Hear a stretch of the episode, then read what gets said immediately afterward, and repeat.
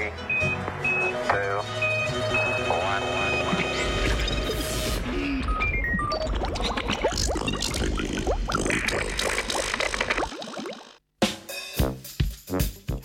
Če se prav spomnim.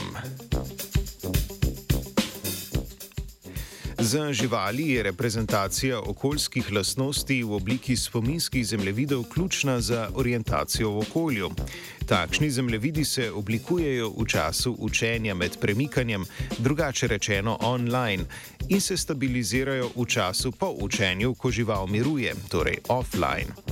Raziskava, objavljena v reviji Nature Neuroscience, je med dvotedenskim spremljanjem možganske aktivnosti miši okarakterizirala nevronske mehanizme ustvarjanja, reaktivacije in stabilizacije prostorskih zemljevidov. Znano je, da se zemljevid prostora zakodira v predelu možganov, ki mu rečemo hipokampus. Kodiranje prostorskih spominskih sledi poteka v času učenja s pridobivanjem izkušenj, a za dolgotrajnost je ključna stabilizacija zapisanih spominov s procesom, ki mu stroka pravi konsolidacija. Pri tem sodeluje vrsta neuralnih mehanizmov, nekateri na nivoju milisekund, drugi pa v obdobju večjih dni.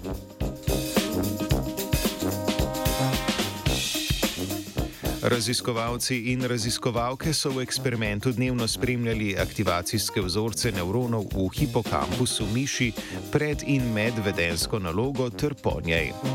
Zanimalo jih je ustvarjanje, konsolidacija in ponovna aktivacija spominskih sledi, ključnih za uporabne prostorske reprezentacije, ki so nastale med vedensko nalogo.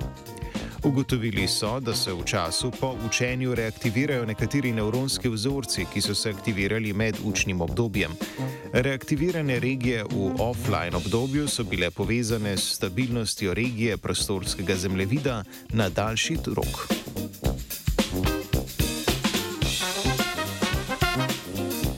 Raziskovalci so odkrili še nekaj bolj zanimivega.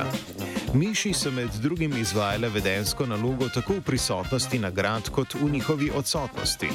Medtem ko so se v času učenja bolj aktivirala področja kognitivnega zemljevida, ki so bila povezana s prisotnostjo nagrad, so se po učenju reaktivirala predvsem področja, ki so bila povezana z njihovo odsotnostjo.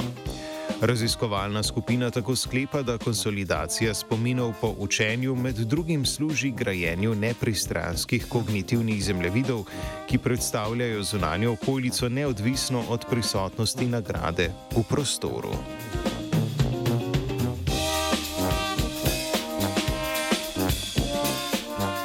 Nove spominske sledi vam je pletla Ela.